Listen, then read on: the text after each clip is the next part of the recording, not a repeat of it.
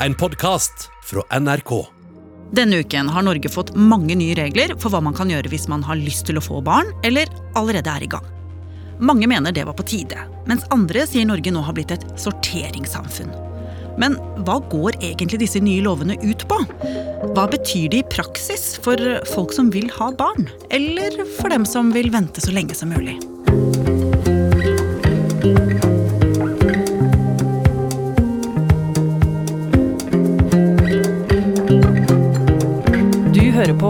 Oppdatert. Jeg heter Ragna Nordenborg. Jeg satt på nyhetsdesken og jobbet med dette fra klokken seks tirsdag morgen. Og Først så satt jeg og fulgte med på streamen på debatten som foregikk i Stortinget, for deretter å dra hjem for å følge videre med det. Forslag 7 på vegne av Høyre, Senterpartiet, Venstre og KrF er opptatt. Og det var jo en veldig spesiell stemning og avstemning man var vitne til. Maria Knopp Viksnes er journalist i NRK Nyheter. Og der satt de med pleksiglass eh, mellom seg, tett i tett med disse knappene de kan trykke på, enten for eller imot. Og stortingspresidenten står der høytidelig og leser opp lovforslag etter lovforslag. Og alle måtte da trykke på enten for eller imot, og hvis de var imot, måtte de reise seg. Og dette gikk kjempefort. Det var veldig stresset stemning, og folk spurte kan vi ta det om igjen. Nei, skal vi se, var det riktig? Jo, det var riktig. Det er med forslaget for oss. Var det noen som ba om ordet? Ja, vi kan godt rette opp eh, den. Er det flere som trenger at den tas på nytt? Vi kan godt ta den på nytt. Som du hører, så var det en litt komisk, kaotisk, men ikke minst utrolig historisk viktig dag i eh, Stortinget. Ja, Hvorfor det, egentlig? Først og fremst så handler det jo om at det står utrolig mye på spill for enkelte partier, særlig Kristelig Folkeparti. Og det handler om unge kvinners muligheter til å bli gravide, og muligheter når de er gravide. Så dette berører en stor del av befolkningen. Ja, Og du er jo 29 år eh, selv, så jeg regner med at du også syns at dette er ekstra spennende? Ja, og jeg er jo omgitt av gravide venninner eller venninner som prøver å bli gravide, eller planlegger å bli gravide. Og veldig mange er opptatt av denne tematikken, både med tanke på hva man har rettigheter til, men også med tanke på hvordan fremtidige generasjoner kan bli gravide. Ok, men la oss nå se på hva som faktisk ble vedtatt, og hvordan det forandrer ting for folk som planlegger å få barn. Ja. Det var jo en veldig lang liste de gikk gjennom og stemte over, men det var særlig fire ting som eh, ble de store lovendringene. Hvis vi begynner med det første, Maria. Eggdonasjon for par. Hvordan er det nå, og hvordan blir det framover? Jo, altså eggdonasjon det handler om at kvinner som har dårlige egg, altså de fungerer ikke slik de skal, de kan ikke bli befruktet, eller f.eks. er utsatt for arvelige genetiske sykdommer som de er redd for å bringe videre, trenger å få friske egg fra en annen kvinne. Og det har per i dag ikke vært mulig å få i Norge. Verken privat eller offentlig, men det har ikke kvinner latt seg stoppe av, så derfor har de dratt land og strand, bl.a. til USA og Russland, for å få friske egg fra andre kvinner. Men nå er det blitt lov i Norge. Men likevel så skal det være litt strengere her i Norge enn i andre land. Ja, for det vil være under visse regler, bl.a. at du ikke kan få egg fra venner eller familie. Det er legen som skal velge ut hvem som får være donor. Og du kan heller ikke donere bort egg hvis du er under 25 eller over 35. Voteringen er avsluttet. For innstillingen stemte 94, mot stemte 75. Dermed er innstillingen vedtatt.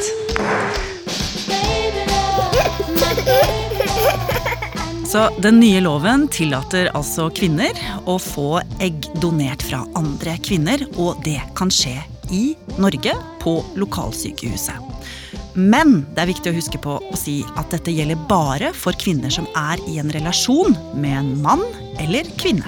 Single kvinner med dårlige egg, de kan ikke få hjelp. For da trenger de både egg fra en annen kvinne, men også sæd fra en mann. Og det ble for mye for Stortinget. Ja, det ble det. Ok, neste punkt. Assistert befruktning for single. Ja, Og det var dette punktet det var knyttet mest spenning til, og det har vært størst diskusjon rundt. Hvordan er det i dag? I dag så er det jo sånn at hvis man skal lage barn, men ikke får det til, så får man noe som heter assistert befruktning. Altså man lager et barn utenfor kroppen, og så setter man det inn i kvinnen. Mm, med sæd fra en mann som puttes inn i egget. Ja. Men dersom sæden til mannen ikke er av god kvalitet, så kan man i dag få sæddonasjon. Hvis man er et par. Men hvis du er alene og er singel, så er det ikke noe som tilbys i Norge. Så veldig mange single kvinner som da trenger en sæddonor, drar til disse store sædbankene i Danmark for nærmest å shoppe sæd for å bli gravide. Og det har jo blitt et veldig kjent fenomen at uh, single kvinner drar til Danmark en tur til Storken. Ja, det er jo det en av de største sædbankene der heter, eller klinikkene. Og det blir nå lov i Norge også. Voteringen er avsluttet. For innstillingen stemte 89 mot stemte 80. Dermed er innstillingen vedtatt.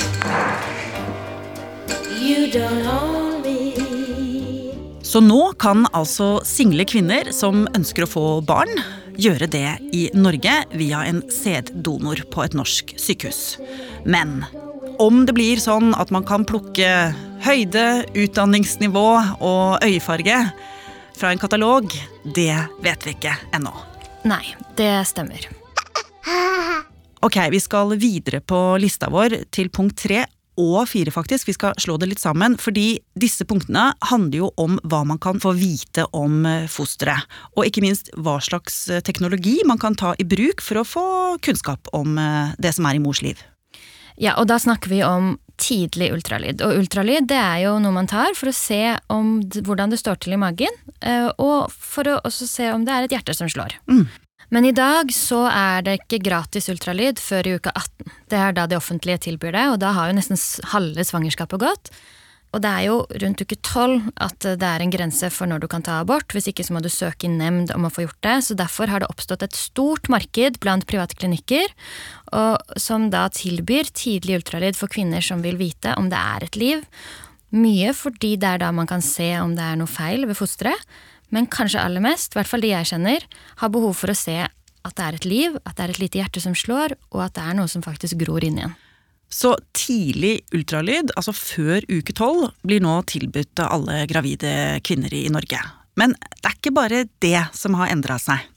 Nei, for nå blir det også lov med en test som heter NIPT, som er en blodprøve man kan ta for å få vite nøyaktig hvordan det står til med barnet. Mye mer nøyaktig enn via en ultralyd. Men sånn det er nå, så har eh, kvinner som er litt bekymret, eller som har lyst til å ta en ekstra sjekk, måttet dra til Sverige for å ta en sånn NIPT-test. Og det er høyt utdannede kvinner, kvinner som er leger, som NRK har snakket med, som har lyst til å finne så mye som mulig for å kunne ta et informert valg. Eh, men de har da måttet krysse grensen. For innstillingen stemte 91 mot stemte 78. Dermed er innstillingen vedtatt. Så loven gir eh, kvinner eh, rett til tidlig ultralyd før uke tolv. Og i tillegg så får de muligheten til å ta denne NIPT-testen. Men hvis det ikke er gode grunner for det rent medisinsk, så må de betale for den selv. Så i praksis betyr det at med disse to ulike metodene så kan kvinner få vite om fosteret er enten alvorlig sykt eller har kromosomfeil før abortgrensen i uke tolv. Ja, det stemmer.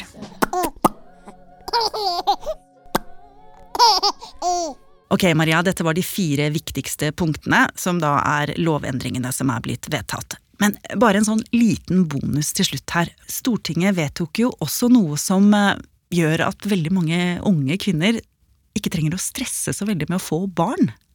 Ja, de vedtok jo at man nå faktisk kan fryse ned egg, og det tror jeg gjør at mange kvinner kanskje senker skuldrene litt. For det er jo veldig mange kvinner som kjenner på denne biologiske klokken som begynner å tikke, for noen allerede i slutten av 20-årene. Idet du har passert 30, sier leger nå bør du begynne å produsere barn. Mm. Ikke minst statsministeren vår, som sier at vi må få flere barn i yngre alder.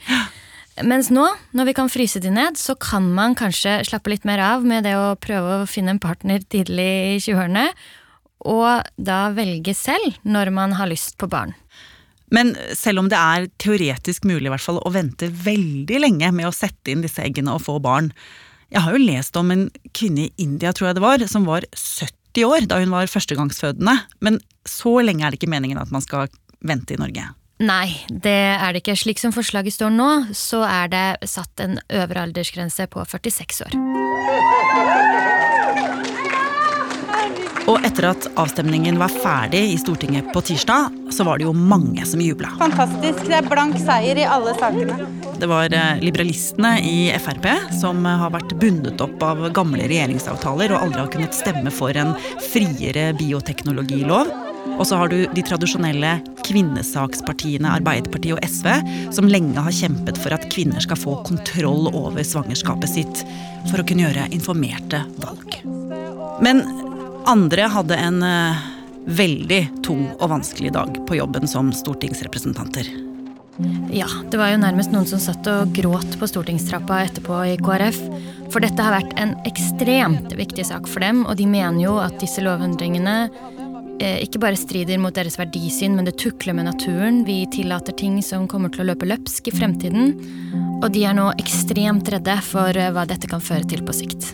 Jeg er veldig skuffet. Eh, både på vegne av partiet, men også på vegne av alle de som har et sterkt engasjement rundt de sakene som vi i dag har diskutert. Men det er jo ikke bare KrF-ere som er imot den nye loven. Nei, det er jo mange forskjellige som er det. Både partier, Senterpartiet, men også mange i samfunnet som er imot disse endringene. Og da handler det jo om at bl.a. blant annet at man tukler med det som er det opprinnelige og det naturlige. Eh, og at man åpner for, gjennom eggdonasjon f.eks., at eh, et barn ikke er i genetisk slekt med sin egen mor. Og at man også bagatelliserer farsrollen. At det plutselig ikke er like viktig med en far, og at det Eh, like så godt kan bare være én mor som oppdrar et barn. Og så er det jo også dette med hvem som på en måte når opp genetisk og får lov å bli født.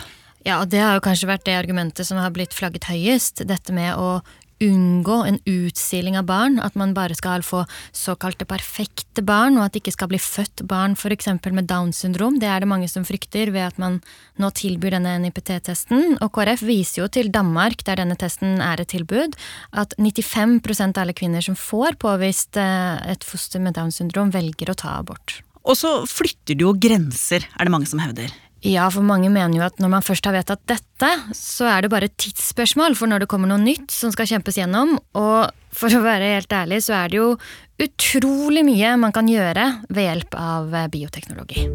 We screen everyone, and lo and behold, 25 to 40% of them carry the ability to make the baby with a color different from what they've got.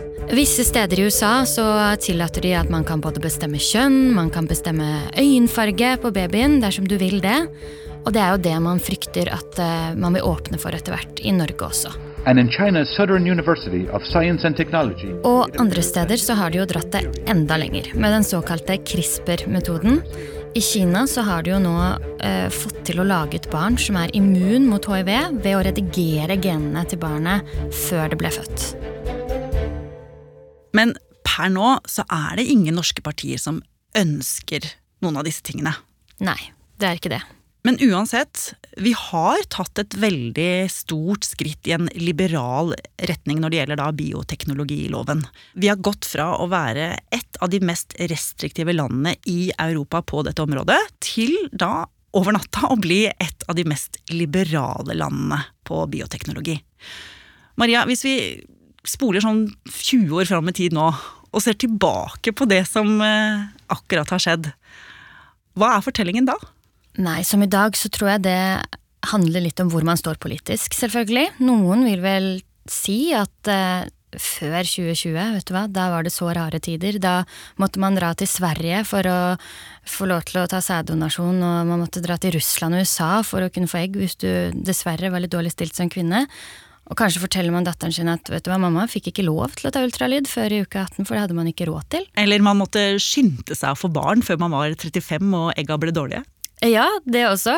Mens andre vil kanskje si at 26. mai 2020 var en forferdelig trist og mørk dag hvor man tuklet med naturen, og selve startskuddet på sorteringssamfunnet i Norge ble avfyrt.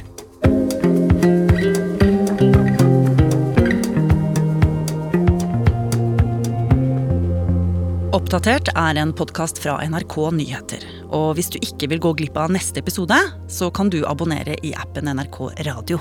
Bare søk på Oppdatert, så finner du oss. Denne episoden var laget av Katrine Nybø, Ida Tune Øritsland, Petter Sommer og meg, Ragna Nordenborg. Vil du kontakte oss, gjør det på oppdatert krøllalfa nrk.no. Du har hørt en podkast fra NRK. Hør flere podkaster og din favorittkanal i appen NRK Radio.